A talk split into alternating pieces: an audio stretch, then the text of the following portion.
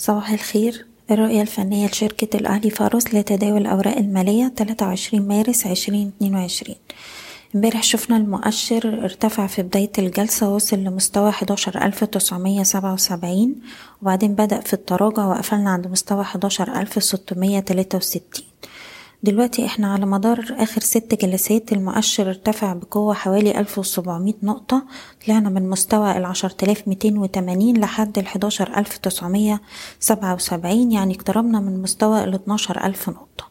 وبالتالي أي تراجع في الوقت الحالي هو عمليات جني أرباح طبيعية بعد الصعود القوي والعنيف اللي شهدناه آخر ست جلسات وبأحجام تداول عالية. بنركز دلوقتي على مستوى الدعم الأول في المؤشر عند الحداشر ألف وخمسمية وده اللي بتاع جلسة امبارح. لو قدر المؤشر يحافظ عليه هنشوف ثبات وإعادة تاني التجربة على منطقة المقاومة بتاعتنا ما بين الحداشر سبعمية والاتناشر ألف. لكن في من الناحية التانية لو كسرنا الحداشر ألف وخمسمية لتحت يبقى معنى كده الدعم التالي هيكون عند مستوى الحداشر ألف وتلتمية. في نفس الوقت بنركز في الأسهم على لوهات جلسة امبارح. لو اتكسرت يبقى معنى كده هنبدأ في التصحيح. علشان كده امبارح نصحنا بجني أرباح الأسهم اللي وصلت للمستهدفات بتاعتها. وفي انتظار إشارة جديدة للشراء على الانخفاضات.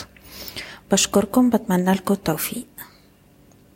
إيضاح الشركة غير مسؤولة عن أي قرارات استثمارية يتم اتخاذها بناء على هذا التسجيل. شكراً.